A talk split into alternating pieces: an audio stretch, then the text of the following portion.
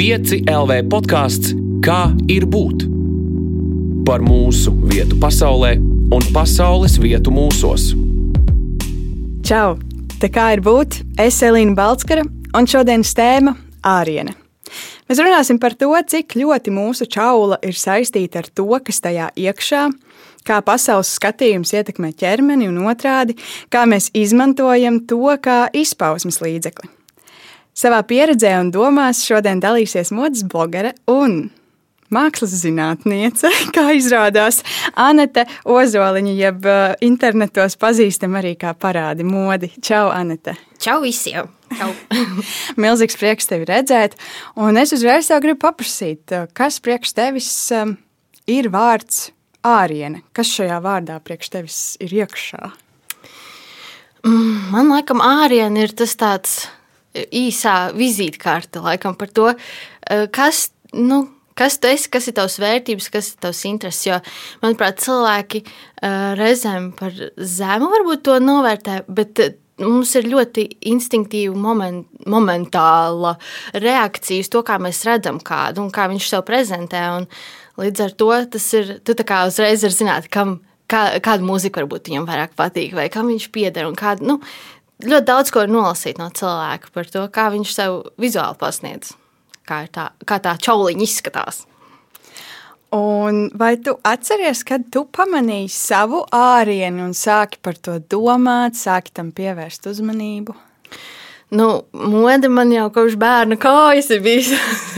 Mans lauciņš, es atceros, ka man uh, onkulis jau, kad es biju paaugsies, viņš stāstīja, kā es taisīju modes skatus. Vēl nezinu, ko man likās, ko. Bet, nu, tāds ķipariņš maziņš jau tur kaut ko staigā un tā. Uh, un man liekas, ka pirmā agrākā doma, ko es atceros, ka man ļoti patika viens sarfāns džins, kas man bija. Man liekas, nu, šis ir baigi, tur tāds meitenīgs, un man liekas, man bija kā trīs gadi. Bet es kaut kā to atceros, ka man likās baigi labais. Nu, tāds. Un kā tev tas veidojās un kā tev tas attīstījās? Jo tu, man liekas, biji viens no tādiem pirmajiem cilvēkiem, kurš internetā sāka veidot saturu par šo tēmu tā ļoti apzināti. Un es atceros tevi kā kaut ko ļoti krāsainu. Oh. Ļoti krāsainu. nu, paldies. Jā, man liekas, interesanti, ka citreiz man nosauc par kaut kādu YouTube dinozauru, kas man, man kā likās tajā laikā, kad es sāku, ka ir jau tik daudz cilvēku pirms manis, kas par to visu runā. Un kā kā man liekas, iedvesma vienmēr bija Agnēs Kleina, jo viņa pirms tam bija ļoti, ļoti aktīva. Un man liekas, wow, kāda viņai tur ir traki tērpi. Un, mm, Nu, man tas, nezinu, man tas viss kaut kā vienkārši tā dabīgi gribējās izpausties. Un, principā, jau pirms man vispār kāds sāka pamanīt, es jau to blogu taisīju no 12. gada. Uh, bet nu, tas bija tādā savā savā lokā, teiksim tā. Un tad, kad es sāku to YouTube, tad cilvēki tā, sāka pamanīt un pievērst uzmanību. Un diezgan ātri tas viss arī izauga. Man bija tā kā pirmais uh, video, man bija humpala ķēriens, jo nu, es laikam domāju, nu, jo man baigi gribēs to YouTube sākt, jo man likās, nu, kā es esmu mākslinieks un man baigi iemācīt ir tā pareizā valoda. Un tad, uh, rakstot arī blogu, nu, cilvēki var nenolasīt to, to tavu jociņu, vai, vai nu, tu īstenībā to pasniedz daudz nenopietnāk, vai zini, kā. Un, un arī tā valoda ir jā, tāda stīva man palikusi. Jo pirms tam es atkal, nu, vidusskolas laikā es gribēju kļūt par rakstnieci. Un tad man tāds ļoti tas zinātniskais uznāca un sapratu, ka man vienkārši vajag runāt. Un, uh, un tad labāk varēs sajust to manu noti un tad kaut kā Jā, un tad man liekas, nu, kur tēma būs tā, par kuru jutīšos vislabāk. Un tam ir tāds humpals, jā, par to es varu runāt daudz un dikt, un tas ir mans zivju ūdens. Un, uh, un, un man ļoti patika arī tajā laikā eksperimentēt ar uh, apģērbu un visas tās krāsas un visu. Un cilvēkiem tas arī nu, vienmēr likās tāds, wow, kā tu vari tā uzdrošināties. Un man, es vienkārši biju pieradusi, tas bija tas, nu, kāda es visu laiku biju bijusi pirms tam. Un, kad man tas nebija nekas tāds pārsteidzošs, bet tas arī droši vien tāpēc, ka es esmu no mākslinieka ģimenes. Manā vecāka ir mākslinieka. Un, uh, nu, arī manā vecākā māsa ir mākslas zinātniece, un otra māsa ir uh, interjeru dizainere. Mēs visi esam tajā mākslas mērcītē, tur, turpat. Un uh, kaut kā, nu, vienmēr tas paraugs laikam no vecākiem bijis, ka tu vari izpausties, kā tu vēlēsies, un būt drosmīgs. Un tā. Kā tev liekas, ja veselā miesā vesels gars, tad uh, vesela iekšienē ir arī veselā ariena? Um, nu, noteikti. Nu kā, tas ir tāds spogulis, man liekas, ka tam, um, kā tu iekšēji par sevi jūties, arī kā tu varbūt ārēji to pa, pala, palaidi. Nu, piemēram, ja es atceros, kad, kad man bija depresija, uh, jo tā man arī ir liela tēma, par kuras runāju sociālajos tīklos. Un tas bija arī tajā pašā liktenīgajā 15. gadā, bet beigās. Un, uh, es aizgāju ārstēt depresiju. Tas man bija, nu, man ir uzstādīta diagnoze, man bija vidēji smaga depresija. Tas tā kā, nu jā, tāds nebija tikai mans, uh, mans pašas diagnoze, ja, bet nu tā. Un tajā laikā man vispār absolūti neinteresēja nekas, kā es izskatos. Ne, nu, vienkārši tev, tev grūti ir eksistēt, kā, kāds vispār izskats. Un tad, eh, un tad, kad es sāku ārstēties, un, visu, un man ļoti ātri, ļoti ātri notika progress gan no zālēm, gan no grupu terapijas, jo es biju dienas stacionārā.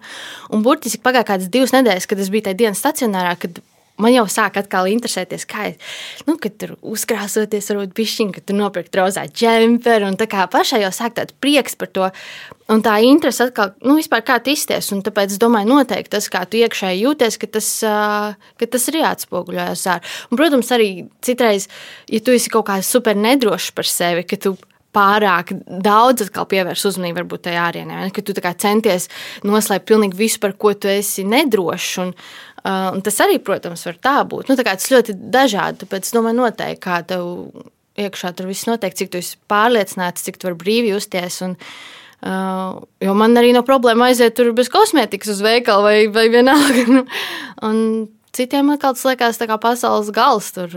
Nu, es domāju par to, kā, kā tas ir. Rūp, nu, kā rūpēties par ārienu tik daudz, bet kaut kādā veidā neaizmirst parūpēties arī par iekšieni. Kā saglabāt to? Uh, nu, Ziniet, kā tagad tā ārējā kopšana daudz kas jau ir arī tāds self-care, vai ne? Kad tu parūpējies par sevi ārēji, tev ir arī iekšēji tā sajūta, ka nu, tu esi kaut ko labu sev izdarījis, vai ne? Nu, kā tev iet vannā, tu relaksējies, vēl uzliec kaut kādu smaržģiņu, vai svecīti, vai mūziķiņu. Viņš jau tev arī iekšēji tā forši uh, nu, nomierina. Un, un citreiz, protams, arī, ja tu uzvelc kaut ko tādu, kas tev iedod to spēku, nezinu, tur kaut kāda tava sarkanā kleita, vai es nezinu, varbūt tev ir tie džinsi, kur tev dibens labi izstāsta, vai nu, vienalga. Ir jau kaut kādas lietas, kuras tev iedod to spēku un to pārliecību, ka tikpat labi tev jau ir tas viss iekšā, vai ne? Tev vienkārši ir kaut kāda trigger, kas tev īstenībā to palīdz un izceļ. Un es domāju, ka tas balans ir, nu, tas ir tā, ka nu, tev jāskatās pašam cik tu labi jūties iekšēji, un vai tas nav, vai tu to dari tāpēc, ka tu vienkārši gribi izrādīties, vai kaut kā maskēties, vai tu dari tāpēc to, lai vienkārši justos labāk, un vieglāk un patīkamāk. Kā tu rūpējies par savu ārieni? Oi, nu, es pat tagad daudz nerūpējos. Nē, nu kā, par savu ārienu šobrīd es nu, es rūpējos par savu se seju sādu, piemēram, jo nu, ir patīkamāk, ka tur tās pumpas ir mazāk nekā, nekā viņas ir. Piemēram, par to es rūpējos, jo es zinu, ka uh, tas man ilgtermiņā liks arī justies labāk. Nu, es redzu, ka es par sevi parūpējos, un tur viss arī notiek. Tā, tās pašas vannas, es esmu vanna cilvēks, pilnīgi, un, un tas ir. Ja es arī citreiz kādreiz sastresojos pa dienu, piemēram, es mēdzu iet vannā, lai vienkārši nomierinātos. Tas ir kaut kāds mans tāds um, mieriņa avots. Un no tāda apģērba viedokļa, piemēram, man tagad ir ļoti daudz vienkārši to, lai es justos ērti, lai man liekas skaista tā lieta, bet arī tāda, kurā es jūtos ērti. Jo, piemēram, man negribās, ka man kādas drēbes sagādā stresu.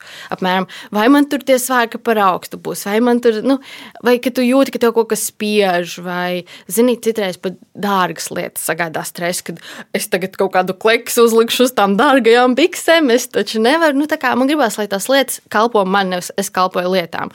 Un tas, man liekas, nu, vispār galvenais, tā kā tai dzīvē atcerēties, kas ir svarīgi, jo, nu, man vienā mirklī bija ļoti daudz mantu. Nu, man sūtīja kosmētiku, man bija vienkārši lielā, lielā komoda, pilna kosmētika, un pat vēl vairāk, man vansis un viss, nu, kā jau skaita dekoratīvo kopjošanu. Tad, nu, tā kā mēs, mēs pārcēlāmies pagājušā pavasarī.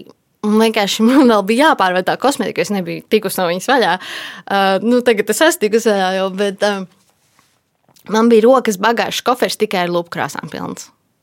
Un, nu, ne jau tā, ka es viņu spērku, bet vienkārši es arī sapratu to, ka zīmola, cik daudz viņi ražo, cik daudz viņi visu laiku izlaiž tikai nākamās, nākamās kolekcijas, un tas pats ar drēbēm un apviem. Un Uh, jo es biju ļoti aktīva kā, tieši modes, un skaista un blogera, un man visu laiku sūta, un man ir tāds dāvāns, un viss kaut kas, un sadarbības, un tur es kaut ko testēju. Un, un vienā mirklī tu saproti, ka pats man ir tik daudz to mantu, ka Tā, es, es esmu reāli vergs tām mantām, nu, kad tu ņem un vāc vienkārši visu laiku. Un, un drausmīgs stress, kā arī pat ir vizuāli. Un tā, tā apziņa, ka tev viss pēc vīlēm sprāgst puš, visas tās mantas. Un tad es uztaisīju vasarā tādu tirdziņu pārdod modi.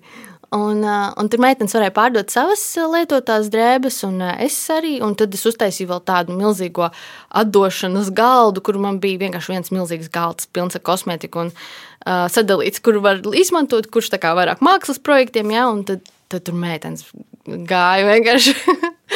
Uh, Ritīgi priecīgs, un tur bija, nu jā, tāds, tas bija tā forši, ka es varēju arī padalīties ar to, kas man tur bija uh, akumulēts.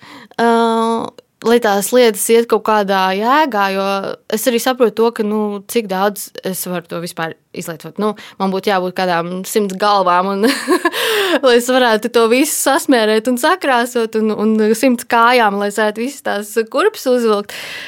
Tāpēc, nu, jā, es vienkārši minimalizēju visu, lai tas lietas kalpo man, un man viņas sagādā prieku, un es viņas varu novērtēt, nevis tikai Nu, jo, zin, kā, man liekas, tā problēma ar tām lietām, ka vienmēr ir kaut ko vēl, kaut ko vēl. Tāpēc, ka nu, tu netiec galā ar kaut kādām lietām, kas tev ir iekšienē, vai ne? Un, kad, ka tev liekas, ka tas tev iedos to laimi, un tas tev man pietrūka tieši šis, lai es beidzot būtu laimīgs. Un, kā, un par to tik daudz runā, un it īpaši, kā, nu, Tīpaši, ja tie, piemēram, ir ļoti veiksmīgi cilvēki, tur miljonāri vai kaut ko. Viņi saka, tev būs miljons kontā, tad tāpat nebūs laimīgs. Tāds, jā, tev viegli teikt, tev ir miljons kontā, vai ne? Tev ir milzīga māja, tev ir tas, tev ir šis. Bet kā, nu, man, man arī nav miljons kontā, bet es tāpat tās jau varu novērtēt to, ka nu, jā, tas nu, tur ir kaut kāds limits, vai ne? Nu, kā, cik daudz mantas tev, tev atnesīs kaut kādu prieku, un tad tu sāc saprast, ka nu, nē, tā laime jau ir nāk no kaut kā tā, kā tu vienkārši attiecies pret dzīvi un pret sevi un pret citiem. Un kā, kad, man liekas, tā lielākā vērtība jau mums visiem patiesībā ir attiecības.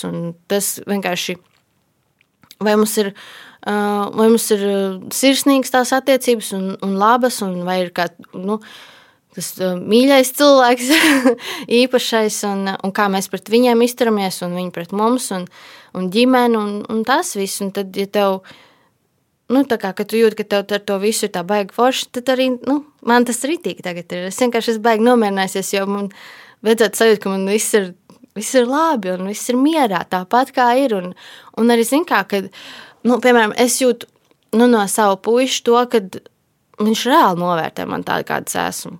Viņam nevajag, lai man tur ir nāgi uzlakoti vai papēži uzvilkt. Viņam pilnīgi, viņš saka, velc, ko tu gribi, dari, ko tu gribi. Un tā kā Nu, jo man ir bijis tā, ka no manis pieprasa, dari šitā, vai dari tā. Um, patīk, ka tu krāsojies, un, uh, un, un nevelc tur, ne, neņem no kosmētika līdz pusnaktī bez mazai. Ja? Un tad uh, cita atkal man ir bijis tāds draugs, kurš man laizīja kosmētiku no sejas nost, kas bija vispār drausmīgi. Bet katram ir kaut kāda savi, vai ne, pieprasījumi, kāda, kādai tev jābūt. Un vienkārši beidzot, es varu būt es. Es varu izvēlēties, ko ko es gribu. Un, un vienkārši tas, ka tu jūti, ka tev novērtē par to, kas tu vienkārši tu esi, tas, tas iedod tādu mieru un tādu brīvību un tā kā, nu, tādu īstu mīlestību. Nu, tā. Tad tagad esi mierā ar savu ārieni.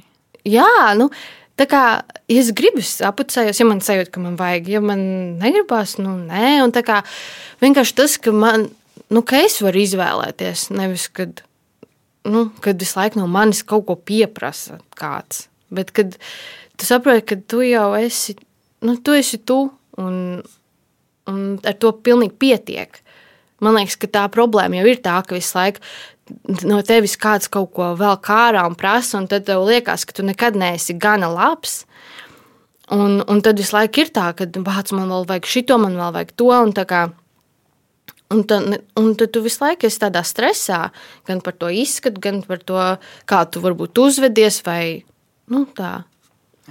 Dabūšu sarkano somiņu pie tā tērpa komplekta, un tad būšu laimīga. Jā, un tad būs nākamā. Jā, bet es tagad redzēju, ka vēl ir zilā krāsā. Jā. Un, bet... To man vajadzētu pie šitā, nu, pie tās peltās kleitiņas.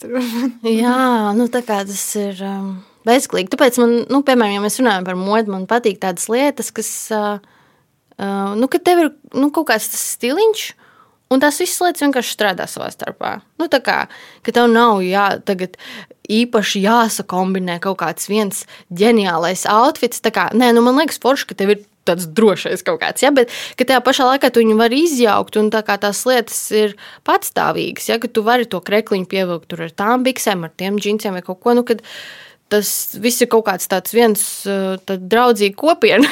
Tas kafija nevis katrs par sevi. Tur, un, nu, tā kā lai tas ir kaut kāds funkcionējošs, jā, tāds dzīvnieks.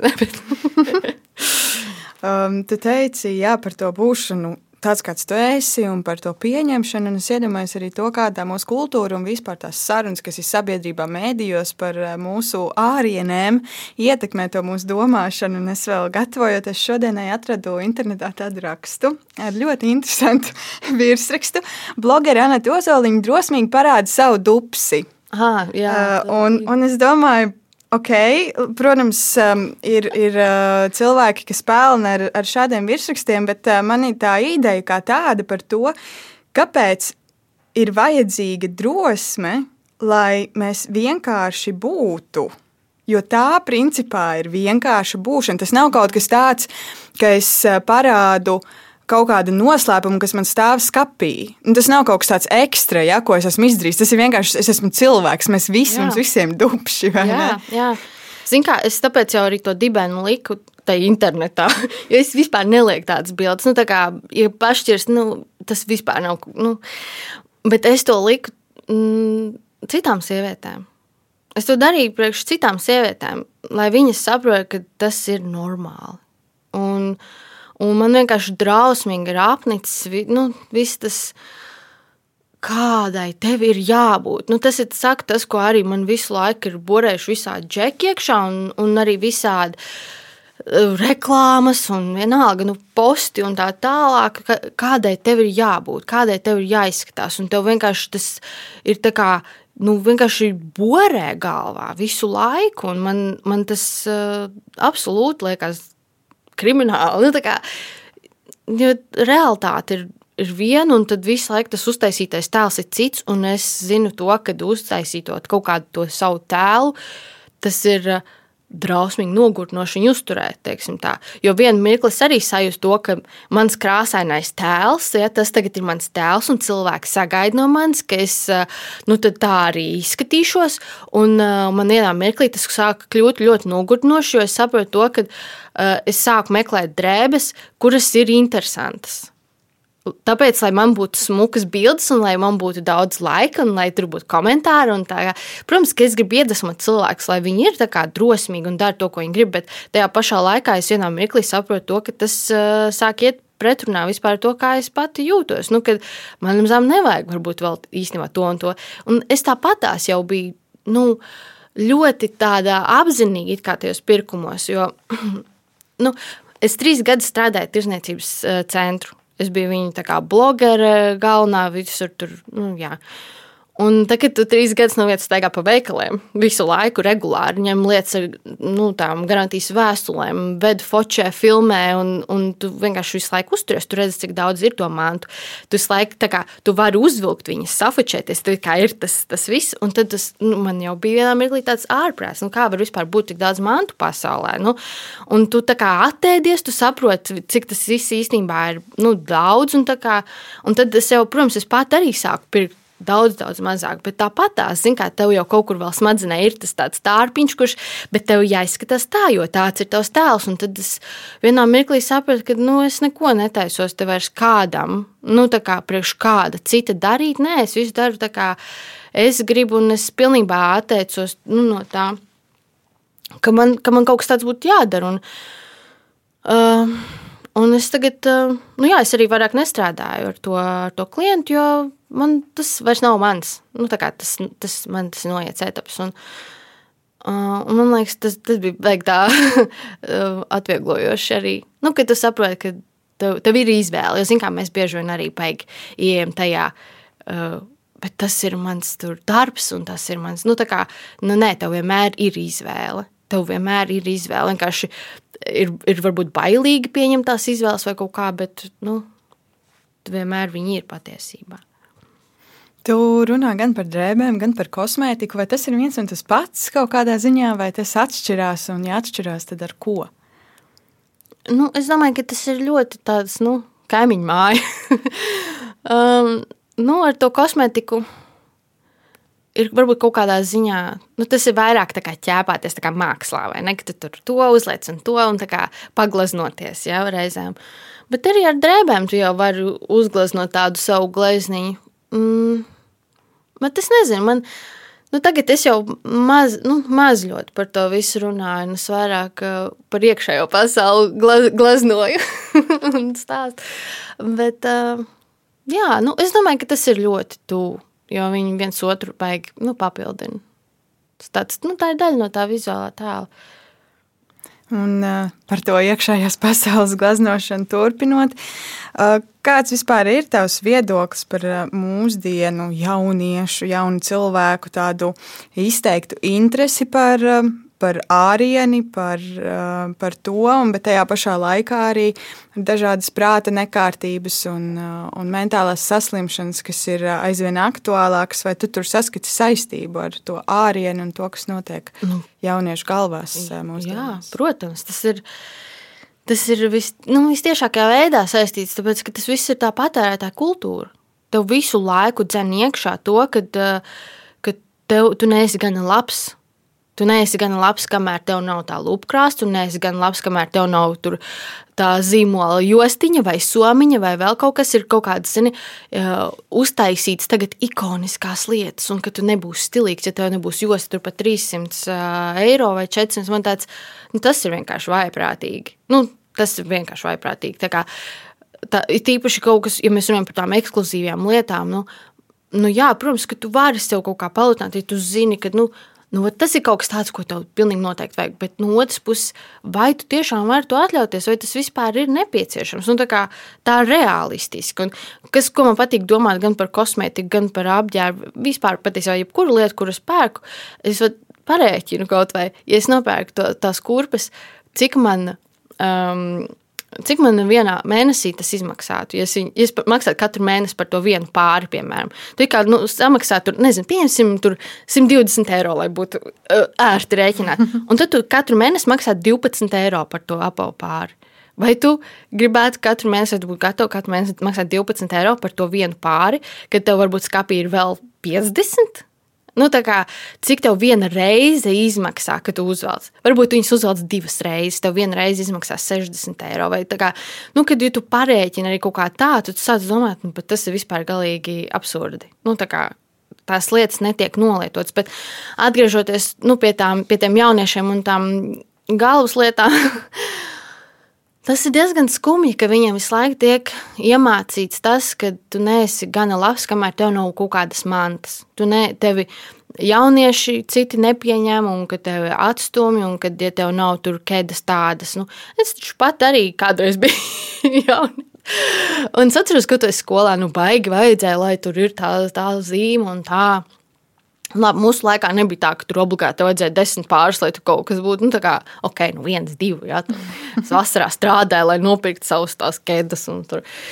Um, bet, um, nu jā, tas ir vienkārši, tā patērētāja kultūra visu laiku, tāpēc, ka tagad arī, zinu, visādi, arī kas ļoti jauni, tur YouTube un tā tālāk, savus miljonu mājas rāda un, un viss tur mašīnas drausmīgi dārgās un tur viss tas, uh, nu, tev vienkārši borē iekšā, ka tu nekas neesi, ja tev nav tās lietas, bet tas ir nu, tāds ārprāts. Un tas, tāpēc, ka tā patērētā kultūra un visu laiku arī visas reklāmas, ka tev jāpērk, jāpērk, jāpērk, tas ir vienīgais, uz ko tevi dzēn. Un tad, kad tev nav tās lietas, tad tev vienkārši liekas, ka tev nav nekādas vērtības.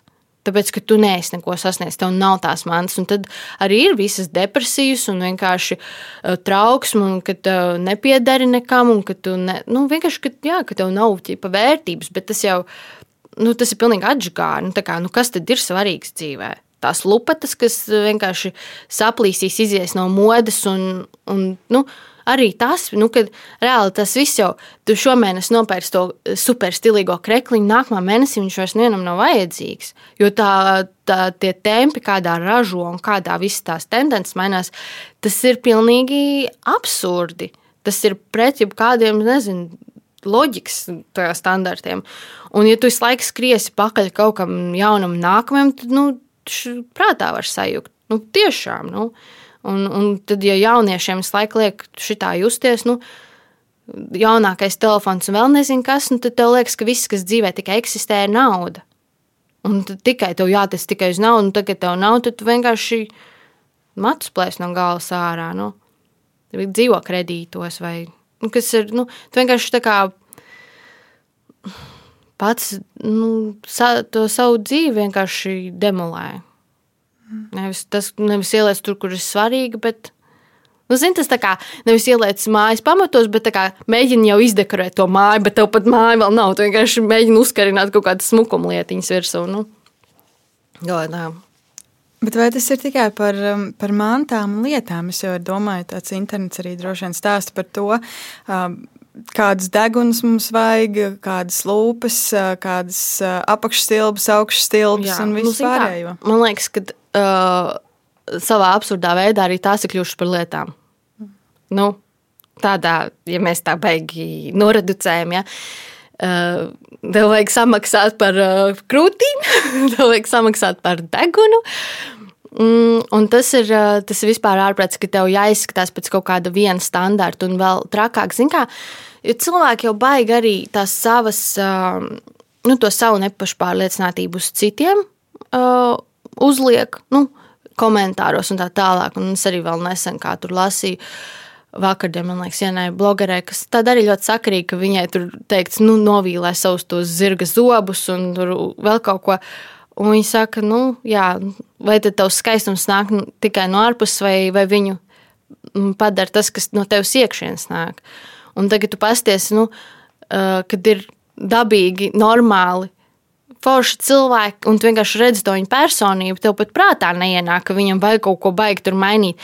Nu, tīpaši, ja tu pats par sevi tā jūties, ne? Ja tu uh, sevi visu laiku tur meklē, ka, kur piesieties, tu arī citos visu laiku pamanīsi to, kas tev sevī nepatīk, jo tā jau viss ir projicēšana. Tā, nu, un, nu, tas ir. Uh, Tas vienkārši kaut kas tāds, ko baigi jā, nu, jāmācās tik galā, kad, kad dabīgi ir forši un forši, ka tu izties pēc sevis.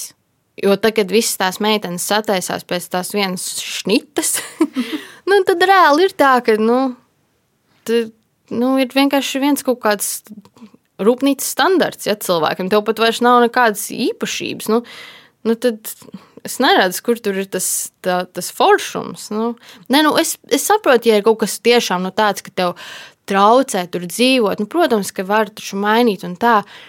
Bet, nu, ne, lai nedomā, ka tas ir uh, pirmais, pie, nu, pie kā, pēc kā ir jāvēršas. Nu, kā, ka var arī būt priecīgs par savām mazajām krūtīm, vai nošļukušajām krūtīm, vai, vai lielo dibenu. Vai tur, nu, jo, zin, kā, piemēram, es arī tagad esmu uzbarojusies. Nu, man pavasarī pirmkārt, nu, viss šis, šis sākās, un tad uh, es sunīti vēl savu. Uh, pa, pazaudēju, nu, viņa aizgāja. Un, uh, tas man bija drausmīgs trieciens, jo viņa bija pilnīgi tā kā bērniņš. Un, uh, nu, tā viss. Es nezinu, cik mēnešu, nu, kādas trīs nedēļas es vispār neizgāju. Man liekas, no guļamistabas vienkārši raudāju. Es atceros, ka mēs pirmo reizi gājām pastaigāties ar, ar manu puisi, tad es vienkārši sāku raudāt. Vienkārši mēs izgājām uz ielas, es jau sāku raudāt, jo viņi nav līdzi. Mm. Un, uh, Un, ta, kā, un tas, ka tev nav jāiet pastaigāties, tas, protams, es mazāk kustos. Un tad, un tad, attiecīgi, arī vienīgais prieciņš, kas ir palicis dzīvē, kaut kāds vispār, ja, ir ēdiens. Un tad es arī esmu uzņēmusies svarā, es nezinu, varbūt kādam desmit kilogramiem. Respektīvi, es visu mūžu esmu bijis kaut kāds nu, 34. izmērs, varbūt 36. tā kā jau, nu, kad jau bija šī tāds. Bet reāli nu, visu laiku XS, es, nu tā. Ļoti tievu, man tas tāds dabīgais stāvoklis. Es, ne, es tur es tiešām man nav ne diētas, ne tur sporti baigie. Nu, vienkārši tā ir. Un tagad, kad es esmu 38. izmērs, man arī es jūtu, ka man ielien smadzenē kāda doma, vai tad, vai tad es neesmu tagad, zinu, tur resna, vai nu, ka man tur šitani vairāk, tur ir dupsis lielāk, kas man, nē, dupsis man ļoti patīk. nu, tā kā, zini, ka tur ir kaut kādas, nu, un, tu, un es vienkārši vienā mirklī saprotu, cik drausmīgi daudz tas viss ir saindējis tev to prātu, kad vienkārši tas, tu gribi, negribi, tev tas lien iekšā. Pat tā, ka man bija arī tas viss 3,4 izmērs, vienmēr kājas, nu, tā kā apakšstilbi man ir pārāk rēsti, man ir neglīti ceļgali, un tur tas, nu, labi, šī daļa man patīk, tur vēders man patīk, vai, nu, zin kā, un kad tev visu laiku ir iedzīts tas kaut kāds tas skaistuma standārts. Un man tas vienkārši besīja ārā. jo, nu, nu, tas ir nu, vienkārši tā visa salīdzināšana. Nu, tu vari sēdēt un salīdzināt vienkārši desmit gadus no vietas. Un, Nu, tā kā nekad nebūs labi. Un, un, piemēram, tagad es vienkārši sajūtu to, ka visā kādas tādas stulbas domas ir, bet uh, un man, un es gan es, ka es viņas noķeru. Man tāds, pff, tas ir tik, nu, vienkārši ārprāts. Un, protams, ka tā nav. Un es vienkārši runāju ar sevi, un es arī pasaku, nē, tā nav. Tā kā man patīk, kā ir. Man reāli patīk. Nu, jo, uh, man ir vieglāk atrast drēbes, tagad, piemēram, humpalās. Vairāk ir tāda izmēra, un, un viss tur ir, kur uzsēsties vairāk, un nu, tā. Un, uh, nē, nu, ir baigi labi. Nu. Un, un, zin kā, un es arī, nu, man liekas, ka vienmēr tas ir tāds arī no kāda aspekta tu paskaties. Ja, ja man, piemēram, būtu kādreiz bijis tur 46. izmērs, tad es tagad justos seksīgākā džusa visā pasaulē. Un tāds, wow!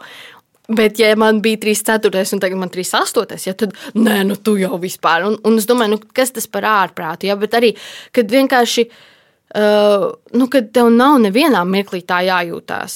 Nu, kad tu esi tāda, kāda tu esi, un tu esi skaista, un viss, un tev nav jābūt kaut kādā noteiktā izmērā, lai justies seksīgi, lai justos skaista. Vienalga, arī, arī 46. izmērā tu esi tikpat skaista un tikpat laba. Un, kā, tam, nu, tam nav jābūt tā. Mm. Tas vienkārši ir tik drausmīgi daudz uh, ieborēts galvā. Un, un es arī nu, lasu vienu tādu feminismu grāmatu, kur ļoti daudz par to runā. Un kā mums laik ir uh, jāatbilst kaut kādam tur skaistuma standartam, mistiskam. Un, kāpēc? Kurš to ir teicis? Kurš ir, kurš ir izdomājis to? Un kāpēc, kāpēc man kādam būtu, kuram, kuram man būtu jāpakļaujas? Tā kā es dzīvoju savu dzīvi, es esmu laimīga un viss. Nu, Un tā kā, Bet tas tāds apzināts darbs, vai ne? Tu saki pat arī, ka tu vienkārši nofiksē to, to domu un, un, un sāc runāties ar sevi. Tad droši vien tas ir kaut kas tāds, pie kā vienkārši ir jāpiesēžas un jāsaprot, kur man rodas šīs domas un ko es ar viņām daru, lai tiktu ar to galā. Nu, protams, nu, kā, jo pirmais ir, kā, ka tu saproti, ka tev ir tādas domas. Ja ļoti viegli vienkārši skriet viņām līdzi un iet vēl dziļāk. Jā, un vispār vēl tie pretīgie mati, vai tur tas, eh, nezinu, tur kas tur citiem nepatīk. Nu, Uh, nu, tā kā tu vēl zini, sakacini sev un ienāc tādā virpulī, vienkārši tā kā atverā kaut kādā jau uz leju. Bet tajā mirklī, kad tu saproti, ka tev ir kaut kāda tāda stulba doma, tu tā kā Viņš izolē viņu no visa apkārtējā un pagroza tiešām, vai tā ir taisnība. Piemēram, Byron Katie, The Work, ja, darbs. Ļoti iesaku visiem, jo viņi tieši par to runā. Kā, ka tu paņem to domu, tu viņu izolē, kā paskaties, un, bet vai tā tiešām ir taisnība? Bet vai tā tiešām, tiešām ir taisnība? Un tā kā, nu, tas, nu, tas vienkārši mēs baigi noticam visam tam, ko mums saka un ko mēs paši sev sakam. Un, baigi tas arī tā negatīvā pašruna. Oh, tas, tur, nu, Tā kā vēl nesen es uztaisīju video par šī gada ap, apņemšanām. Tas ir smieklīgi. Uh, un man pirmais bija tā kā beigt sevi tiesāt un pārmestis kaut ko. Jo tas ir tā, nu, tu paņem atspārdu sev iekšēji, un tad, nu, kāpēc tu nevari saņemties? Kāpēc tu neesi produktīva, kāpēc neesi laba, kāpēc neesi jauka? Nu, tā kā, nu, tu saņemies. Nu, un, un tā kā, nu jā, forši pamēģini atspērt sevi, un tagad uh, esi produktīvs un priecīgs cilvēks. Nu, kā, protams, kā tu iekšēji ar sevi runās, tā tu arī jutīsies. Nu, ko tu vari sagaidīt vēl? Nu, paņem iespēju kādam citam pastīsies, cik viņš būs priecīgs par to visu. Nu, kā, un arī tas, ka tu, piemēram, negribētu, ka kāds nu, tavs draugs vai radinieks, ka viņš ar sevi tā runā. Tu tāds, kas tas par stulbumu vienkārši? Nu, tā kā nē. Nu, un, uh, Un apāts pret sevi var, un vēl tur vēl iežmiegt vienkārši līdz grībai. Tas ir mega fenomens, man liekas. Es Jā. arī ļoti daudz mācos tieši to, ka man jābūt savam labākajam draugam. Jā. Vai es savam labākajam draugam teiktu to, ko es saku sev savā galvā, droši vien nekad dzīvē. Ne? Tas būtu tāds, ak, Dievs! Kas tas par draugu? nu, jā, tāds. Uh. Un, un tas mm. pilnīgi, un tas par jebkuru lietu. Nu. Mm, par to izskatu jau mierīgi. Nu, bet, zināmā mērā, tur jau daudzas lietas ir tādas, ka, nu, ko tu šodien izdarīji? Nu, ko tu šodien izdarīji? Un tā kā atcerieties to, ka produktivitāte nav vienkārši tikai darīt visu laiku. Produktivitāte ir arī nedarīt. Tā kā atpūsties, jo tu nevari vienkārši. Nu, tu neesi robots, un pat robotiem vajag atpūtas mirkli, kad viņi atdziest. Ja? Nu, tā kā tev tev vajag mirkli, kad atpūsties, tev vajag mirkli, kad kaut kādas emocijas sagremo, tev vajag mirkli, kad vienkārši saprast, kas notiek. Nu, kā, tas viss ir produktīvi. Ja tu kaut kā iekšēji audz, tā ir produktivitāte. Un vienkārši mums ir drausmīgi kā, iedzīts tas, ka produktīvi, jo tagad, nu, cik tu rakstus uzrakstīji dienā, vai cik tu kaut ko, nezinu, nu, tur cik grīdas izmazgāja. Nu, kā, arī droši vien, vai ne? Kā tu uzrakstīji? Varbūt vienu rakstu ļoti labu. Nu, mēs, nu, mēs daudz ko mēram kvantitātē. Jā. Es jau varētu sataisīt tev desmit iesniegt, kuri principā varbūt nelietojami. Vai izmazgāt grīdu tā vienkārši, bet varbūt izmazgāja vienu istabu. Bet ļoti labi. Nu, jā, bet, nu, kā, tur arī tur var aiziet kā tā perfekcionisms. Nu, jā, un tad man nekad nav, nē, nu, vēl, nu, es nezinu, vai šis teikums ir labs. Piemēram, mana mamma, viņa, viņa mākslinieca, viņa arī dzēniec, un viņai ar valodu ir tā, ka viņa. Oh, Viņa var stundām, tur, man liekas, domāt vienu vārdu. Tā kā viņa raksta kaut kādus tekstus un visu. Un man ir tā, ka es vienkārši tur uzmačīju un visu. Un, ai, tā, un tā kā, vai arī, nu, kaut vai intervijas vai kaut ko. Viņa arī aicināja kaut kad uz Latvijas rādio, un viņa tā kā. Viņa tik nenormāli par to satraucās, ka viņa pazaudēja balsi pirms tās intervijas. Viņa atte, nu, viņai nācās atteikt, jo viņa vienkārši pati sevi sahaipoja tā par to, ko viņa, viņa pateiks. Viņai, un tas ir pilnīgi som, nu, psihosomatiski. Un pilnīgi, tu vienkārši ir sev sabotāža. Ja? Un, Un man tāds, nu, aiziešu, pateikšu, kā, nu, nu, nu jo nav jau viena pareizā arī atbilde. Nu, tā kā tu jau tu vienmēr dari mm, no tā, cik tu labi vari izdarīt. Nu, vienkārši paļaujies kaut kā sevi, kad tas vienmēr labi kaut kā izdarīt. Nu, ok, nu, kaut kas nav varbūt tik labi, bet, nu, kurš vienmēr ir, kurš vienmēr ir tā kā perfekts vai, zin kā, un tas ir arī tas, tā, tā pārdomāšana pēc tam, ne, kad tu sāc vēl ķidāt, bet varbūt man to teikumu nevajadzēja teikt. Varbūt tas jau bija par daudz, bet tāds, nu, ok, nu pateic. Nu, tā kā, nu, zin tā, palaid tajā upītē, lai tad viņš tur tek un tā. Uh, un es kaut kā pārsvarā tā cenšos, nu, kaut kā vieglāku sirdi, jo Ir, ir, Jā, tas nekad nebeigsies. Jā, nu, jo, jo ir vietas, kur, protams, es tāpat esmu. Es to saucu par iešanu pikselī. Jo pirms vairākiem gadiem bija tā, ka es palīdzēju savai draudzenei viņai pārtaisīt mājaslapu, fočēju viņai, viņai rotas lietu biznesa. Un uh, es fočēju tās lietas, un tā apstrādāju, liku mājaslapā, un vienā mirklī es saprotu, ka es sēžu un tām bildēm krāsoju pikseļus. Nu, tā kā burtiski tā, tam auskariņam apkārt krāsoju pikseļus, un tad es sapratu, ok, šis laikam ir pišķiņš, un tad es to nosaucu par iešanu pikseli, un mēs ar māsām vienmēr to ierācam, kad, kad tu saproti, ka tu vienā mirklī ej pikselī tas ir pišķi pat traka, un, un tāpēc man liekas svarīgi paturēt to lielo bildu un tādu lielo vīziju, ja? nu, kad, ok, nu, katram pikselim jābūt perfektai skrasmotam. Tu pirms tam minēji par, eh, par to modi, un ka mode mēdz būt vienāda, un tad mēs visi esam vienādi. Nu, izskatāmies, piemēram, nav interesanti.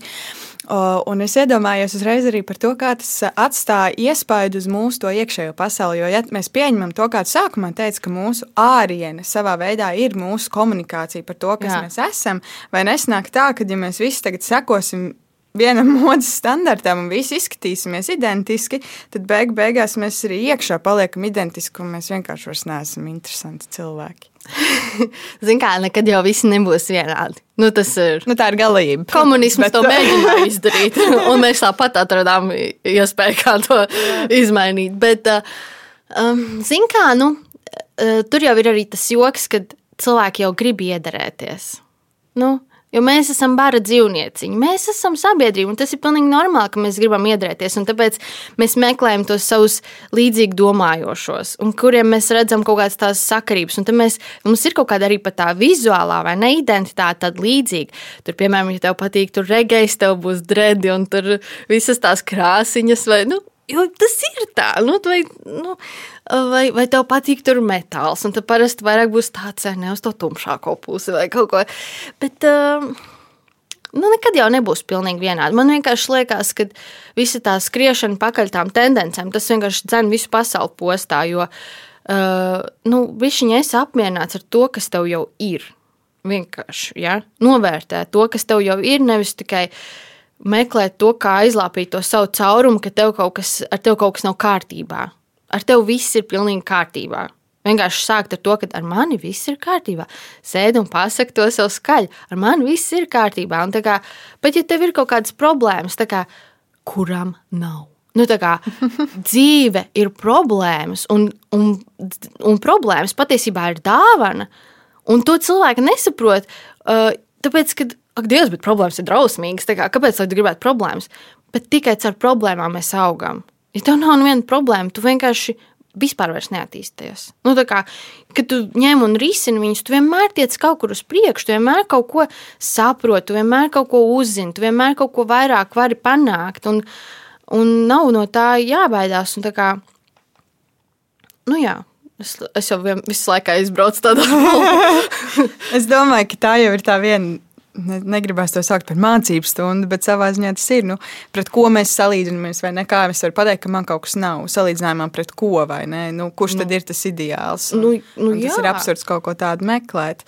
Bet uh, vēl es. Uh, par šo laiku, par to pandēmiju, kas ir mainījusi arī patiesībā mūsu paradumus attiecībā, piemēram, uz apģērbu. Jā, visi raksta, cik ļoti izpārdotas ir treniņu bikses dažādas, un, un mēs meklējam aizvien ērtākus veidus, kā būt uh, mājās. Bet, um, Kā rūpēties par savu ārieni šobrīd, kad tik daudz nu, tikšanās vairs nenotiek um, ar acīm, ja vienam otru ieraugot, vai ir jēga sapucēties priekš zūma? Ziniet, kā vispār man priecē tas, ka cilvēki tagad uh, jūtas ērtāk. Jo no vienas puses tas, uh, man liekas, ka tas iedod arī bišķiņu, tas iedod kaut kādu ziņu, vismaz komfortu un mieru. Tā kā tev nav visu laiku par to jāstrāso. Nu, kā, protams, ir citas problēmas, nu, tas, bet kā, uh, varbūt kaut kādā bišķiņā vairāk mierā sajusties ar to, ka uh, izskats nav viss. Uh, un par to, vai ir jēga pucēties, tas droši vien ir katram pašam tas viņa jautājums. Vai, vai viņam liekas, ka ir vērts, ja neliekas, ka vērts, tad nav vērts. Nu, bet uh, citreiz uh, vienkārši gribās tā kā atcerēties tādus sociāl, socializēšanās laikus, kad tu uh, vairāk varbūt pacenties pēc kaut kā. Bet uh, es nezinu, man liekas, tas ir tāds, es, es piemēram, ļoti rēti tagad, nu, baigi tur tā, nu, kaut ko pilnīgi pēc emocijām. Gribās man uzvilkt blūzīti. Vai vakarā man sapratu, ka man vajag uzvilkt kurpes kājās, jo man kurpes nav kājās bijušas tik ilgi. Un uh, man arī ziemas zābaki, piemēram, man, viņi ir tiešām tā kā čības. Nu, es šļūcu pa ielu, tur savās pastaigās, bet nu, nav sajūta, ka tev kurpes kājās. Un tad man vakarā ir tāds, man vajag kurpes kājās. Es, es vairs nevaru čībās dzīvot. nu, jo vienkārši tev kaut kā, jā, gribās tādu civilizācijas sajūtu uzsākt. um, bet tas pilnīgi, nu, Uh, jā, nu tāds. Un es nezinu, jūties labi un ērti. Un kā, kas tev liek justies labi un ērti? Zini? Nu, ir citas sievietes, kurām liekas, nu, 10 centimetru papēžu, tad es jūtos ērti. Nu, bet, lūdzu, nu, kā, protams, nu, tas jau katram tāpēc ir savs. Mm. Tu pirms tam arī runāji nedaudz par skaistumu. Un par to, kas ir skaists cilvēks. Pastāsti, kas ir skaists cilvēks? es tagad uh, definīciju uztaisīšu. Droši. Šitas mums, mums patīk lai, ļoti. Lai vārnīcā var iekļaut. um, nu man liekas, ka skaists cilvēks ir tāds, kurš rūpēs par sevi. Iekš, iekšķiņā un āriņā. Nu, tā kā āriņā, man liekas, tas ir, protams, tādā um, saprāta līmenī, teiksim tā. Mm, vairāk jau uz to iekšķiņu. Jo, zin kā, ja, ja mēs katrs uh, vienkārši parūpētos par sevi, pasaule būtu daudz labāka vieta. Nu, tā ir. Ja, ja katrs vienkārši justos mierā, būtu daudz mazāk strīdu, daudz mazāk pārpratumu, daudz mazāk konfliktu, daudz nu, vieglāka dzīve.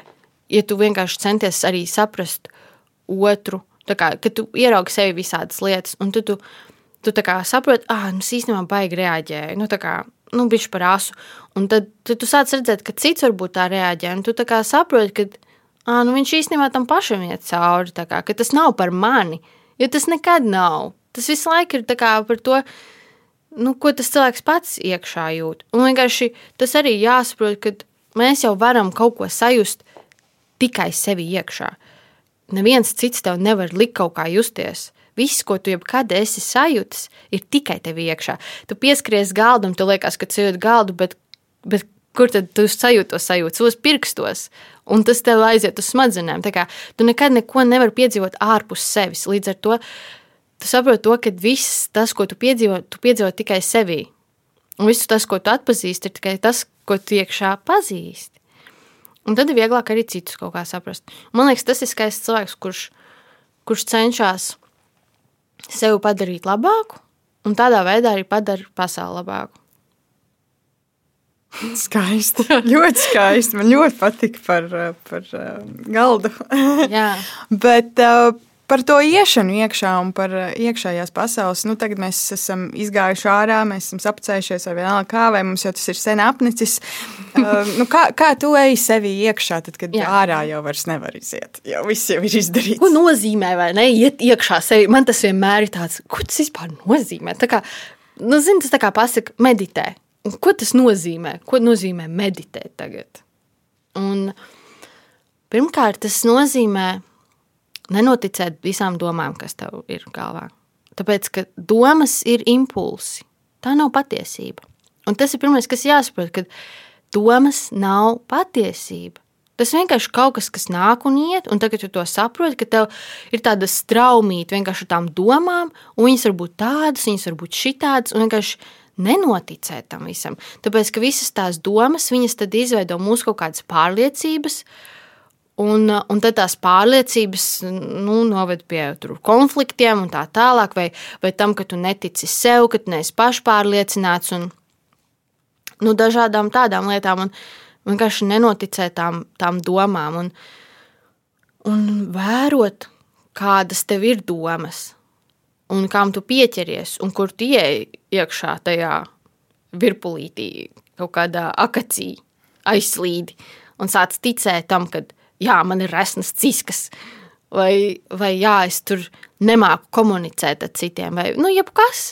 Tāpēc, kad ja tu noticēsi pretējam, tev sanāks pretējais. Nu, tā kā cilvēkiem ir nenormāli lieli resursi un iespējas un, un, un spēja mācīties.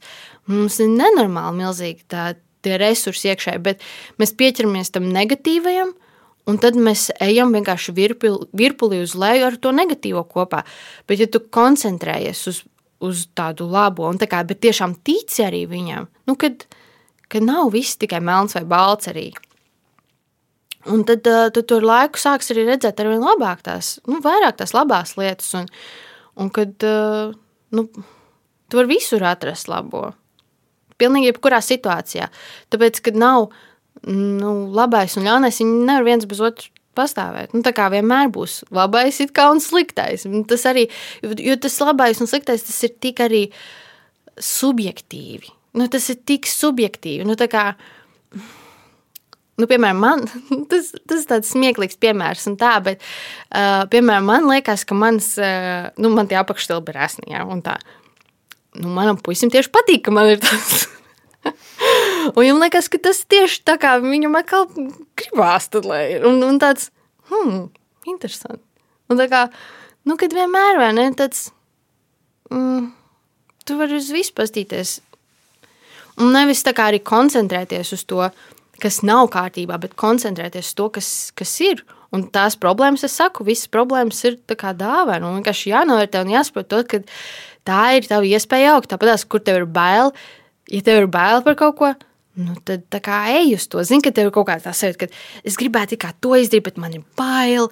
Kā, bet tad, ja tu ies uz to, un tev tas ir svarīgi, un tu to pārvarēsi, tad tev būs divreiz lielāks prieks. Nu, nevis tikai komforta zonā dzīvot. Jo komforta zona ir ērta, protams, lai arī cik viņa reizēm ir drausmīga. Zini? Tā kā, kad tu dzīvo nu, vienkārši tā, ka tev besīja ārā, bet, kā, bet tas viss ir pazīstams. Un tas ir normāli, kā mūsu smadzenes strādā, jo viņas labāk, viņām liekas drošāk palikt tur, kur mēs zinām, kaut arī tas ir kaut kādi briesmīgi apstākļi. Tas ir, ir drošāk nekā mēģināt kaut ko mainīt. Jo izējot ārpusē, tu nezini, kas tev tur sagaidīs, kāds tīģeris un vēl kaut kas.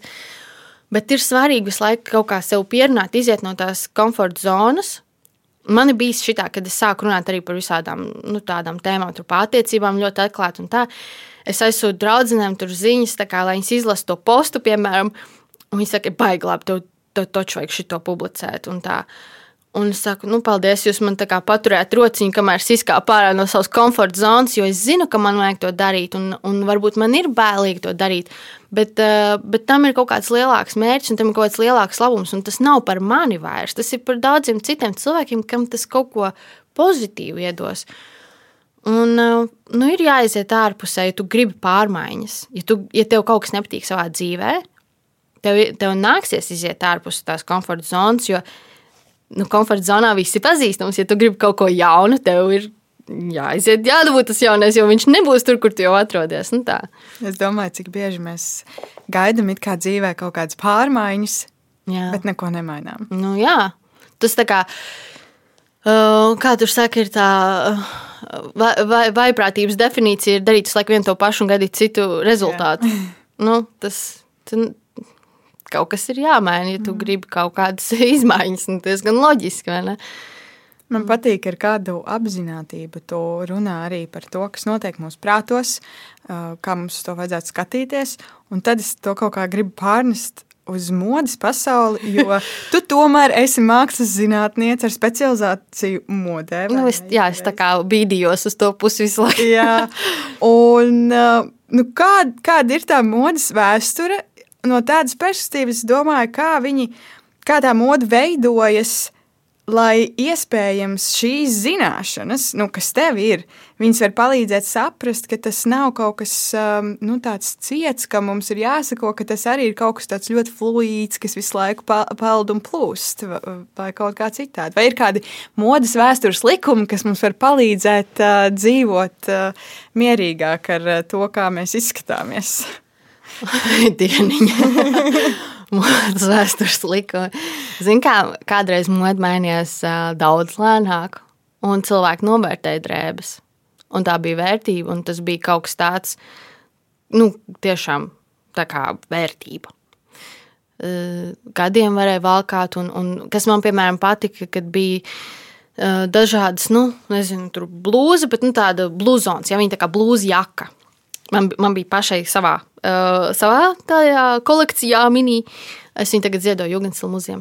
Bet kas man liekas forši, uh, ka viņi, piemēram, un arī es, zinu, es kādreiz pētīju arī uh, nu, kurzemes priesteru tērpus, um, jā, nu, tā kā katoļu garīdznieku tērpus, un, un arī nu, gan, gan tajā garīgajā gan tiem sakrāliem tērpiem, gan tiem, kas ir tiem ikdienas. Man liekas, tik jauki, ka viņam kādreiz bija piemēram tādas apaklītes, piedrākalētas, tā kā viegli piešūtas. Nu, baltās apaklītes, ja? nu, tādas vienkārši cikiņas. Tā kā. Un viņas uh, mainīja, nu, jo pats tērps tā kā vēl labs, bet nomaina to detaļu, kas kā, novalkājas visvairāk. Un kad uh, bija oderas, kuras Eh, kuras tikai mazgāja, ja, ka to virsējo daļu viņa tā nu, nu, ļoti saudzīgi, ja, jā, jāizturās pret viņu. Un tad maksā, maksā, mazgāja tikai to daļu, kas sasvīst. Un, piemēram, tā, nu, ka tām drēbēm bija mm, pret viņām izturējās ar cieņu. Kaut arī tās pašas svētdienas drēbes, ja, kurpes. Meitenes gāja plikām kājām līdz baznīcai, tad baznīcā uzvilka tās kurpes un tad iegāja iekšā. Un tās kurpes valkāja gadu gadiem, un viņām bija viens pāris. Uh, es arī, bišķiņ, nu, man bija viens darbs par, uh, par apaviem tieši arī. Un tur vēl bija interesanti tas, ka, piemēram, tāds uh, nu, kalps, ja, viņš strādāja divus gadus par vienu zābaku pāri. Katru gadu viņš dabūja vienu zābaku. Un tā bija viņa alga. Un tagad mums liekas, ah, nu, jā, nopērt, aizvien nopērt zābakus. Viņš strādāja divus gadus, lai dabūtu to zābakus. Nu, tas bija kaut kāds 18. gadsimts, ja es pareizi atceros, vai varbūt 19. sākums. Nu, nu, nu, tas ir diezgan par, par ko ir runa. Nu, kā mēs tiešām ja salīdzinām tīpaši ar, ar mūsdienām. Nu, jā, tagad paņem izmet. Uzvelc krekliņu trīs reizes izmet. Un vēl piedomām, ka nevis tu atdod pārstrādē, bet vienkārši miskastē izmet. Nu, tā kā vispār ir zudus kaut kāda cieņa. Un man liekas, ka tas ir svarīgākais, kas cilvēkiem ir jāatgūst pret drēbēm, vienkārši saprotot, cik daudz resursu tas patērē. Es, piemēram, šobrīd esmu arī vēstnes uh, atmasko tēkraklu. Un uh, nu, viens tēkraklis patērē 1670 litrus ūdens. Ja es pareizi nu, man liekas, pareizi atceros. Vienam tēkraklam. Ja domājies, cik tev ir tēkrakli skapī? Un saskaiti tad 10 tēkrakli, ja 16 tūkstoši. Nu, tā kā nenormāli tie. Un, un, un tas jau ir tikai tēkrakli. Un tas notiek laikā, kad pasaulē notiek ūdens kari, ja, jo jā. ir ūdens resursu jā, trūkums. Jā, un, un iedomājieties, ja ka kādam džinsām tur vispār bija drausmīgi daudz tas ūdens, vēl vairāk. Tur bija, nu, es tagad šito gan neatceros no galvas, bet Uh, jo tā, tā, tā doma ir atmaskot tēkraklu, jo tas ir kaut kas tāds ikdienas, ko mēs katrs valkājam. Bet tad uh, vienkārši caur to parādīt, cik daudz tā modes industrija patērē tos resursus un vienkārši cik bezjēdzīgi. Vienkārši ražo, lai cilvēkiem arī novalkātos ātri un lai varētu izmest. Kā, tas ir vienkārši skumji. Nu? Un cilvēki arī. Nu, pavalkās. Jo, zin kā, visi grib to tūlītējo prieciņu, to tūlītējo, nu, tādu, oh, jā, bet, nu, cik ilgi tā viņš ir? Nu, cik ilgi? Un tajā pašā laikā, nu, tu jau vari arī, protams, lietot, nopirkt un dabūt savu prieciņu. Un tas man liekas forši, ka, ka gan meitenes pašas pārdod, gan vienkārši iet uz humpalām un tā. Un, protams, ir jau arī visādi zīmoli, kas tur daudz atbildīgāk pret to izturās. Bet man liekas, ka ir vērts vienkārši domāt par to, cik akli tu skrien līdzi kaut kādām tendencēm. Arī no tā kaut vai, kad visiem ir man vajag, nedomājot par to, vai tev vispār piestāv tas, vai tev līdz galam tas patīk. Nu, kā, vai tu varēsi to novalkāt? Vienkārši pirkt ar domu, ka es šo varēšu novalkāt. Cilvēki vairs nenovalkā lietas, vai ne? Nu, kaut ko jau, nu, bet ļoti, ļoti, ļoti daudz nenovalkā. Un, un, Zini, tie fakti ir vispār diezgan krimināli, ja mēs paskatāmies to, cik cilvēkiem ir skapīta drēbes. Nu, sievietēm vairāk. Nu, tie fakti parasti. Man liekas, ka uh, 70% vispār netiek izmantot tā kā ikdienā drēbes. Varbūt 30% no apģērba, kas ir skapi, vispār tiek lietotas. Varbūt pat vēl tur dramatiskāk tas ir. Bet, um, tā, tas tā ir. Jā. Un smieklīgi, ka tam vajadzētu mums likt justies labāk. Nu, es tā domāju, Jā, vai par, vai ne? Ka, ka mums Bet vienkārši tu... stāvs. Mēs, mēs esam domājuši, ka es tagad nopirkšu to vai šo, un, vai dabūšu kādā citā veidā, un tas man liks justies labāk. Bet patiesībā tas tiešām vienkārši stāv. Un beigās tu skaties uz to skati, un tev drīzāk ir dusmas vairāk uz to skati. Un dusmas uz to, ka tev ir tās lietas, bet es taču viņu nevalkāju. Un tad varbūt tu zini, nu jā, es vairs nevaru ielīst, un tad tev ir beigas, ka uh, es, es pieņemsies svarā. Un tā kā jāatcerās tas, ka tās drēbes kalpo mums, nevis mums ir jāielien kleitā, ne, bet gan kleitai jādara mums. Kā, ja? Un arī, kad, piemēram, kaut kādā impulsā nopērts kaut ko dārgu, un tad tev ir tā vainas sajūta, un tad tu nevari tikt no tās lietas vaļā. Jo tu nevari pārdot viņu par tādu summu vairāk, bet tu jūties vainīgs, un tad varbūt es viņu vilkšu, bet tu tomēr nevelc, un tad tev viņa stāv skapī un laik atgādina par sevi, un haha, reku tev kļūda karājās. Un, kā, un tad, ja tev ir 70% skapī, tad tev pat, nu, liekas, negribas taisīt to skapi vaļā, vienkārši dzīvo no vienas atvilkt. drošā atvilkne. Un, nu, zin kā es tāpēc baigi arī iztīrīju savu skapi. Un, nu, jā, man mainījās arī izmērs. Uh, un man tādas lietas arī nederēja. Bet tas, kurš man vēl derē, derēja, un es jūtu kā savējās, protams, es paturēju. Un tad es daudz ko pārdevu. Un, uh, un tad to, ko man vajadzēja, es nopirku humpalās. Un es ar tādu ļoti apzinīgu arī domu gāju, kā, ko man vajag. Nevis kā, kas man iekritīs tagad acīs, bet es zināju, ka es jau gribu linu blūzi Nu, tagad es eju, meklēju Linu blūzi, vai es meklēju kleitu. Piemēram, Linu kleitu es tā arī neatradu. Tāds, nu, jo es gribu viņu atrast tādu, kādu es viņu gribu atrast. Un es arī negribu iet uz uh, nu, fast fashion veikalu, jo es nejūtos labi īsti. Nu, kā, Ziniet, kā, nu, nav jau arī tur tā, ka nekad vairs neko nevar nopirkt. Nu, kā, nu, ka tu tagad būsi sliktais, jo nopirksi kaut ko fast fashion, vienkārši ar tādu reāli saprātu. Nu, tā kā tu zini, ka nu, šito tad es toču izmantošu. Nu, tā kā šito es toču. Jo, piemēram, man arī man vajadzēja kaut kad oktobrī, man liekas, peldbiks. Nu, tagad nu, eju un atrodu, un peldbiks ir kaut kas arī tāds intīms, ja nu, tā kā lietot. Nu, var jau pirkt, bet nu, man tāds nu, tā dīvaini. Un tad es aizgāju uz Jo man bija augšņi, man māsa bija devusi spēlkastīm augšņi, zināja, ka tā bija no Haunēm, un beigās es aizgāju uz Haunēm, cerībā, ka tur vēl būs kāds. Un es atradu peldbiks ļoti, ļoti līdzīgas tā kā tai augšņai, un vismaz tās peldbiks bija arī no tās končas sērijas. Tam tāds, nu, jā, bet. Bet, nu, tu tāpat nopirksi pusi mazāk reāli. Nu, nu, jā, nu, tā kā jo es zināju, ka man ir tā augšņa, mm. tad es nopirku tikai to, ko man vajag, tās bikšķels. un, un, un viss, nu, tā kā. Nevis tur vēl, ah, un reku, paskat, kāds krekliņš ar kaut kādu smieklīgu vāveru virsū, vai es nezinu, nu, tā kā nopērst to, ko tev vajag. Un, tā. Jo, zin kā, vēl kas man lika par to aizdomāties, protams, arī tas, kad es mainīju visu tagad to vairāk par ko es runāju, es vairāk runāju par dabu un to, kā moda arī to var ietekmēt un viss. Un, un tad es arī. Uh, man sanāk tā, ka es atsakos no ļoti daudzām sadarbībām, kuras man iepriekš bija. Un, protams, ka tagad es vairs tad, uh, par to nerunāšu. Un, līdz ar to man arī.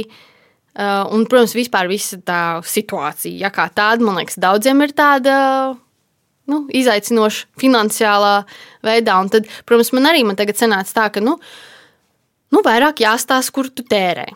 Bet man tas bija reizē, jo nu, man arī tas tādi uzkrājumi, kas man bija kaut kādi izveidoti, man ļoti ātri izkusta, kad man bija sunīts saslims. Un es mēģināju visu, ko es varēju darīt, lai viņai palīdzētu. Un, un tu vienkārši saproti, ka tas ir arī nu, jūrā lieta iekšā. Nu, jo tā kā nu, tas ķermenīts ir nokalpojis, viņš ir nokalpojis. Tu, tu nevari tur neko izdarīt. Un, un tas vienkārši tev rauj sirdī ārā. Um, un, nu, jā, un tad es sapratu, ka viss tas arī man nu, vēl vairāk liek novērtēt to, kur es tērēju, kā es izmantoju tos savus līdzekļus, cik saprātīgi. Nu, principā es to visu sāku jau februārī, jo man bija tāda arī lielā tīrīšana jau tad, un viss, bet nu, tas, jā, kā mēs zinām, pavasaris bija īpašs. Un, uh, un tad, jā, kad tu vēl no tās puses, tā no tās finansiālās puses, ļoti tā pie tā piedomā, man liekas, ka tas arī vēl vairāk tā kā, nu, piedot to svāru un tā tādu arī tādu, cik jēgpilni ir tam tērēt, vai ne? Un ļoti, ļoti izsvērta. Arī zinu, ka visas tās lielās izpārdošanas un melnās piekdienas un tā tālāk. Un melnajā piekdienā es nopirku tieši vienu lietu, un es viņu biju gribējusi uh, kopš nu, vai, vairākus kaut kādu pusgadu, man liekas, varbūt, varbūt bija šī mazāk. Bet, nu, tas bija ētrisko eļļu komplekss čakrām. Es zināju, ka es tiešām ļoti, ļoti gribu to, un es gaidīju to atlaidi. Un, man liekas, tas ir tas foršais, kad, eh, nu, kad tu zini, ko tu gribi, un tu vienkārši sagaidi atlaidi, lai tu varētu ietaupīt. Ne? Nevis, uh, oh, reku, paskatās, cik šī tas ir lēti. Kā, es zinu, ka tas ir ļoti kārdinoši, un es esmu daudz reizes iekāpus tajā, tajā upē. Um, bet, uh, zini, kā, ja tev to nevajag, tad, tad visi tie attaisnojumi ir Tu vienkārši roti savu bedru. Nu, kā, ir viegli izdomāt, jā, es šito savilkšu ar to, ar to, ar to, bet beigās tiešām vai tu savilksi. Nu, kā, jo arī, zin kā, citreiz mums liekas, baigs stilīgais, un tur tā un tā, un kaut kā, nu, tu izdomā desmit iemeslus, kāpēc vajag, un tā kā noraksti to, ka tev īstenībā tur spiež pišķiņi kaut kur vai grauž, vai tā kā tas audums varētu būt labāks. Tāds, nu, jā, bet, nu, viņš ir foršs. Un, un beigās ir tāds, nu, jā, man grauž, es negribu viņu vilkt. Nu, kā, ka tu vienkārši neapzināti visu laiku apēji to lietu. Zini, ir tādas lietas, kuras tā kā viss it kā ir ok, bet tu kaut kā visu laiku apēji viņu. Un tad es saprotu, ka tāds, nu jā, kaut kas tur nav kārtībā ar to lietu, kad tu vienkārši viņu negribi vilkt. Man liekas, ka nu, ideālajā variantā ir jābūt tā, ka tu atver skāpi un jau tāds. Es nevaru izvēlēties, ko vilkt, jo man vienkārši visu gribās uzvilkt. Man tā rītīgi, piemēram, vasarā to tik ļoti sajūta, ka man vienkārši tāds es gribu visu reizē uzvilkt, jo man visas tās drēbes tik ļoti patīk. Un man liekas, ka tā arī ir jāliek, ka tās drēbes kalpo tev. Tev viņas sagādā prieku, tev viņas iepriecina, tev tas nerada stresu, tev ir viegli visu savilkt, tev vienkārši ir prieks, ka tev ir tādas foršas drēbes, kas, eh, kas ir tādas jaukas nu, pret tevi. nu, jā. Man patīk, ka tu, tu teici par eh, stāstīju par to apģērbu cienīšanu. Kā, kādreiz cienīja apģērbu, un tad es iedomājos, tā vispār tā droši vien tāda veselīga ārienes veidošana ir arī liela cieņa pret sevi, vai ne? Ka tu sākumā parūpējies un cieni pats to, kas Protams. tu esi. Jā. Un varbūt tu vari, tuvojoties jau noslēgumam, iedot tādu angļuiski tulkītu instrumentu kasti, jā, ieteikumus, kā cieņpilni uh, uh, veidot savu tādu autentisku ārieni, lai es justos labi, kaut kādus pamatprincipus. Mm, nu, Ziniet, kā pirmkārt, man liekas, ka ir jāsāk beigt sev stāstīt pasakas. Jābeidz uh, izdomāt, kā būs. Jo ļoti cilvēki daudz dzīvo visu laiku nākotnes izteiksmē, un tad, kad es nometīšu desmit kilogramus, un tad, kad es izdarīšu to un to, un uh, tu dzīvo tagad. Tev ir tikai un vienīgi tagad. Tu nevari zināt, kas notiks rītā, kas notiks pēc mēneša. Tu vari plānot, tu vari domāt, bet nu, cilvēks domā, Dievs dara. Ja? un man liekas, ka ir ļoti svarīgi vienkārši paturēt to prātā, ka tu dzīvo tagad, un, uh, un to apģērbu attiecīgi veidot, izjūt no tā, kāds ir tavs reālais dzīves stils, ko tu tiešām dari. Nevis, jā, bet tad es aizbraukšu uz Spāniju un salrietā uzvilkšu to kleitu, un tad man būs tā bilde. Tā kā, varbūt aizbrauks uz to Spāniju, un tev būs tik karsti, ka tev negribēsies neredzēt to kleitu, vai kad tev būs nobērsts kājas, un tu negribēsi tās kurpes vilkt. Vai, nu, tā kā beigt sev stāstīt pasakas, kad tad, kad kaut kas, jo ir daudzas lietas tādas, kuras, nu, no kurām nevar atvadīties, tāpēc, ka ir kaut kāda piesaiste savā stāstīņā. Kāpēc man to vajag? Nu, kā, un tad mums būs romantisks vakars jūras krastā. Uh, protams, ka var taču būt tādas lietas, bet vienkārši realistiski pieiet. Varbūt tev, nu, cik bieži jūs braucat līdz jūrai? Cik bieži jūs taisat pikniku? Reāli. Nu, tā kā un tad, lai tās lietas nav, kad šito es uzvilkšu tajā reizē uh, piknikā, un pārējā laikā man vienkārši karāsies skati un besīs man ārā. un man liekas, ka um, ir svarīgi izvērtēt to savu uh, dzīves stilu. Un, protams, ka šobrīd mums visiem viņš atšķirās no tā, kāds tas bija normāli. Bet, nu, piemēram, ja tu daudz esi oficiālā, nu skaidrs, ka tev būs vairāk oficiāla drēbju, jo tas ir tas, ko tu ikdienā valkā. Nu, tas vienkārši tā ir. Un, un tad, attiecīgi, padomāt, nu, cik daudz man vajag tām brīvdienām, cik daudz es varu arī novalkāt, cik daudz arī, nu, lai nav tā, ka, jā, nu, rekomendācijas 20 kleitas, kuras es uzvilkšu ar draugiem, aiziet iedzert kokteļus reizes pusgadā. nu, tā kā kaut kā realistiski par to padomāt. Man liekas, ka vienmēr ir jāizdomājas par to, kas tev liek justies ērti. Un, piemēram, jo mums katram ir tie 30%, kurus mēs valkājam, nu, padomā, kāpēc tev ir ērti. Varbūt tas ir raudums, varbūt tas ir piegriezums, varbūt tā ir krāsa, varbūt tas ir. Nu, nu, izdomā, varbūt kaut kādas detaļas, tur nezinu, kādai tas būs mežģīns, citai tas būs. Nu, man, piemēram, vairāk patīk, kad es jūtu, ka tas ir dabīgs materiāls. Man vienkārši forša sajūta ir. Man vajag, lai man ir mīksts un ērts, lai man nespiež, lai man negrauž. Kā, jo ir visādi, zin, tie piegriezumi arī citreiz tādi, nu, it kā smuki, bet uzvelc un kaut kā ne šis, ne tas, vai tur tās šķības stāv, vai tev pleci izskatās pa lielu pēkšņi. Nu, arī, kad uh, izvērtējot to savu ķermeņa tipu, nu, kā, kur, kur ir vairāk, kur ir mazāk. Ja? Un tad vairāk pievērst uzmanību tām daļām, kas tev patīk, un varbūt mazāk uzmanību pievērst tām, kas tev nepatīk. Nu, man ir bijušas arī meistarklases par šo, kuras visu stāstu, kā to, kā to visu izdarīt, kur kam pievērst uzmanību. Bet jā, man liekas, ka uh, to autentisko stilu tu jau mm, vienkārši jūti tajā sirdī, kas tev, uz ko tev velk. Un uh, nemēģināt varbūt tik daudz tā kā, um, nu, atdarināt kādu citu, kā tu vienkārši vari iedvesmoties no citiem un paņemt kaut kādā savā mērcītē to visu jaukt. Tāpēc, ka tev jau vienmēr būs tāpat savs vēl kaut kāds tas. Nu, iznākums, ne? Un kas tev tieši tavam ķermenim piestāv, un, un kādas krāsas tev patīk. Jo viens tas, ka tev piestāv, otrs varbūt tev nepatīk, tur rozā vai kaut kā. Nu. Un tā, nu, vienkārši tā vienkārši. viss, viss ir tik sarežģīti vienkārši, vai ne? nu, man liekas, ka, ja tu esi tāds patiess pret sevi, tur jau tas ir vienkārši. Nu. Mm.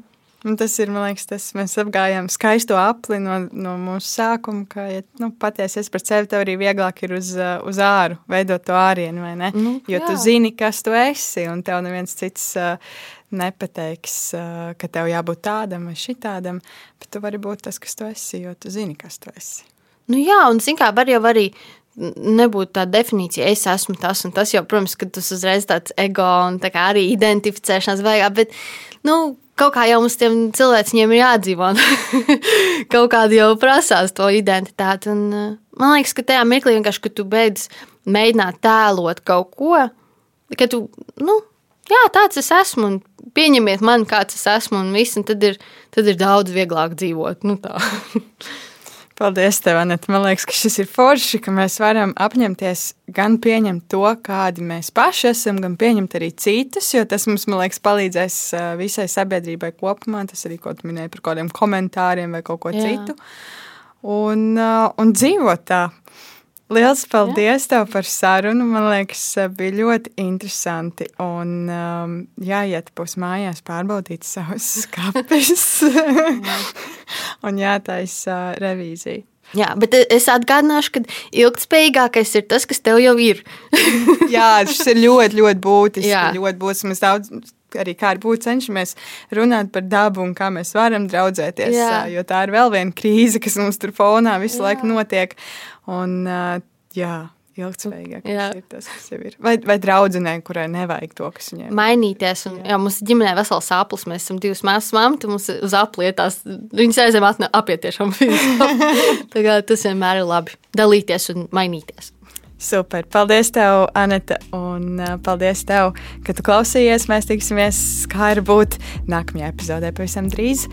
Paldies! Atā!